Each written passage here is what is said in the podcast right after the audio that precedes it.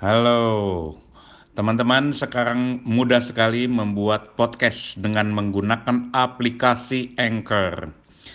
Jadi tinggal install di HP kalian, register akun, langsung deh pencet tombol rekam. Kalian bisa punya podcast kalian sendiri langsung. Saya sudah mengamati beberapa outlet, eh, mungkin 6-7 outlet yang ramai, tiba-tiba bangkrut, tiba-tiba tutup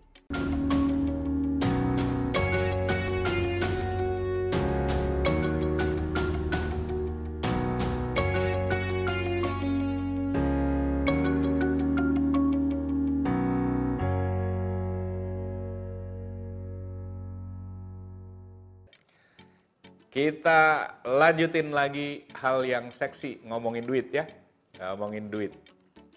Jangan ngomongin soal sabun, uh, mesin rusak, apa yang bikin pusing. Yang agak-agak enak gitu. Soal duit ya. Nah, tiga alasan yang saya temukan mengapa laundry yang tadinya ramai tiba-tiba bangkrut. Tiga alasan. Saya sudah mengamati beberapa outlet, eh, mungkin 6-7 outlet yang ramai, tiba-tiba bangkrut, tiba-tiba tutup. Saya kaget juga, kenapa bisa ya? Kemudian saya cari tahu, tanya ini, ada ownernya yang saya kenal juga, ngomong-ngomong gitu kan. Dari situ saya tahu, ada yang saya tanya dari teman-temannya gitu ya, karena nggak enak nanya. Itu kan apa ya, bukan bukan berita baik ya. Jadi saya tanya orang dekatnya yang saya tahu. Jadi saya simpulkan ada tiga. Dan tiga hal ini perlu kita pelajari sebagai business owner untuk mencegah diri kita jangan sampai kalau boleh jangan sampai mengalami hal yang sama ya. Jadi yang pertama, kenapa dia tiba-tiba bangkrut? Pertama karena musibah. Musibah model apa? Yang satu itu karena kebakaran.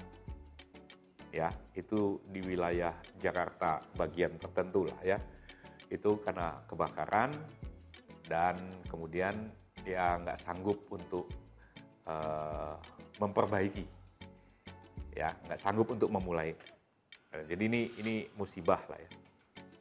Kemudian yang kedua itu uh, musibah juga saya masukkan dalam kategori musibah itu karena karena pandemi ini pandemi COVID-19. Jadi ketika semua orang dirumahkan, ketika semua bekerja dari rumah, belajar dari rumah, beribadah dari rumah dan sebagainya, sehingga sebagian uh, tempat yang basisnya itu orang-orang yang orang-orang yang mobile ya, tempat kos, uh, apa segala macam yang membuat orang kembali meninggalkan wilayah itu dan jangka waktunya itu cukup panjang kan. Jadi sejak masuk Indonesia pandemi ini mulai Maret itu kan April, Mei dan seterusnya dan seterusnya itu sampai uh, akhir tahun 2020 itu kan panjang kan. Nah, sehingga dia kehilangan basis customernya. Jadi tutup gitu ya. Nah, musibah yang lain adalah dibawa kabur. Jadi ada mismanagement lah dengan karyawan ya. Jadi ini sudah masuk wilayah kriminal sebetulnya tapi juga memang tidak berhasil diatasi, diselesaikan dengan baik sehingga tutup juga. Jadi sebab pertama adalah karena musibah. Susah sih mengatasi itu ya kita. Uh, kalau saya ditanya bagaimana harusnya, kecuali yang soal mismanagement, soal karyawan itu tadi mungkin masih bisa kita lakukan sesuatu. Tapi kalau yang soal pandemi, soal kemudian ada uh, kebakaran dan sebagainya itu mestinya memang harus dicegah keamanan keamanan proses-proses instalasi sih saya harus katakan ya. Uh, kalau sebabnya dari luar kalau wilayah lain atau tempat lain yang terbakar kita kena dampaknya itu beda. Tapi kalau dari kita itu soal manajemen instalasinya mesti mesti pilih yang aman lah gitu ya. Nah uh, yang bisa dicegah apa alasan lain yang laundry ramai tutup terjadi itu karena uang laundry dipakai belanja konsumtif. Jadi belum pandai mengatur keuangan. Uh, contohnya ini kasus kasus teman sebetulnya ya. Jadi saya ingin menyampaikannya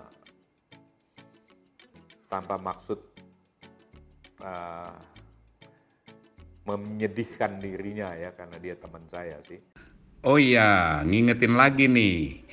Bikin podcast kayak gini mudah banget ya. Pakai aplikasi Anchor, langsung connect ke Spotify, gampang banget. Oke, kita lanjut lagi. Tapi saya ingin katakan begini.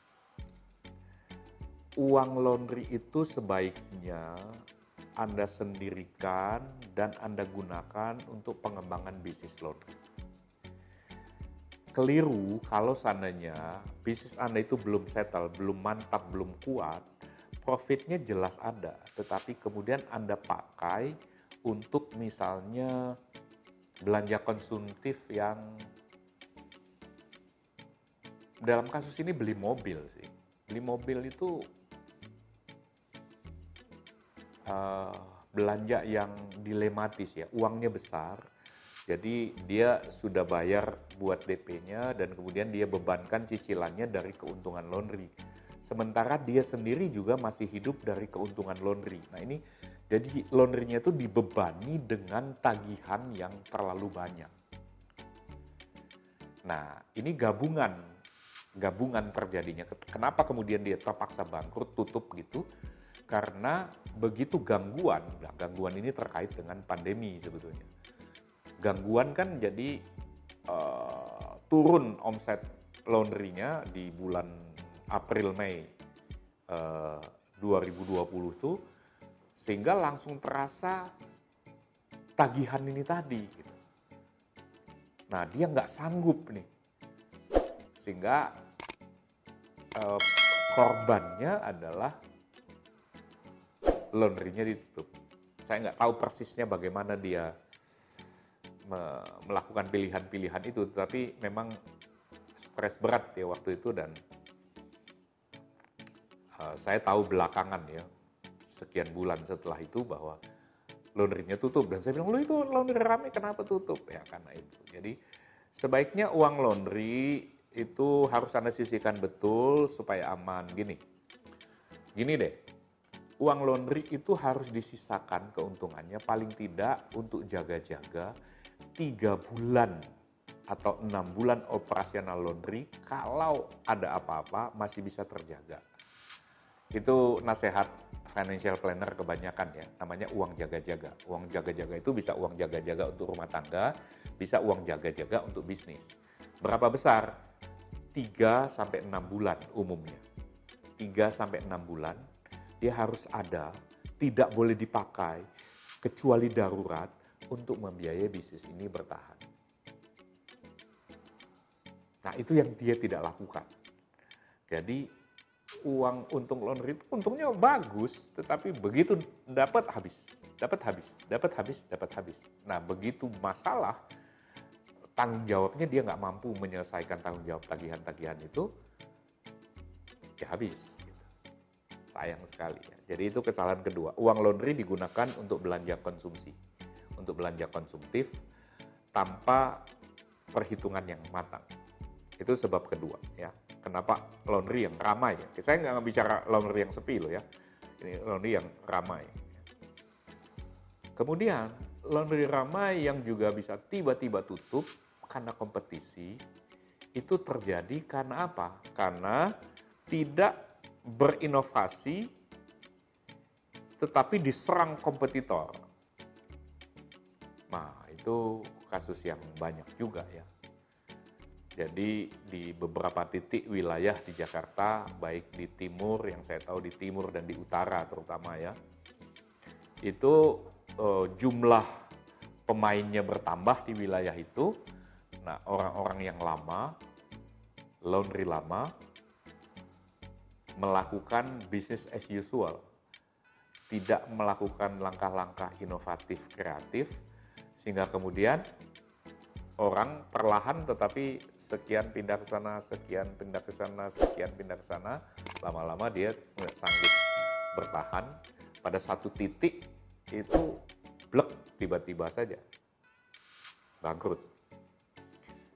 Nah, saya sampaikan ini tiga alasan laundry yang ramai bisa tiba-tiba bangkrut supaya kita tercegah sama-sama ya dari kebangkrutan.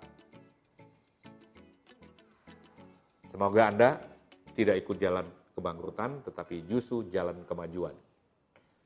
Sukses besar untuk Anda.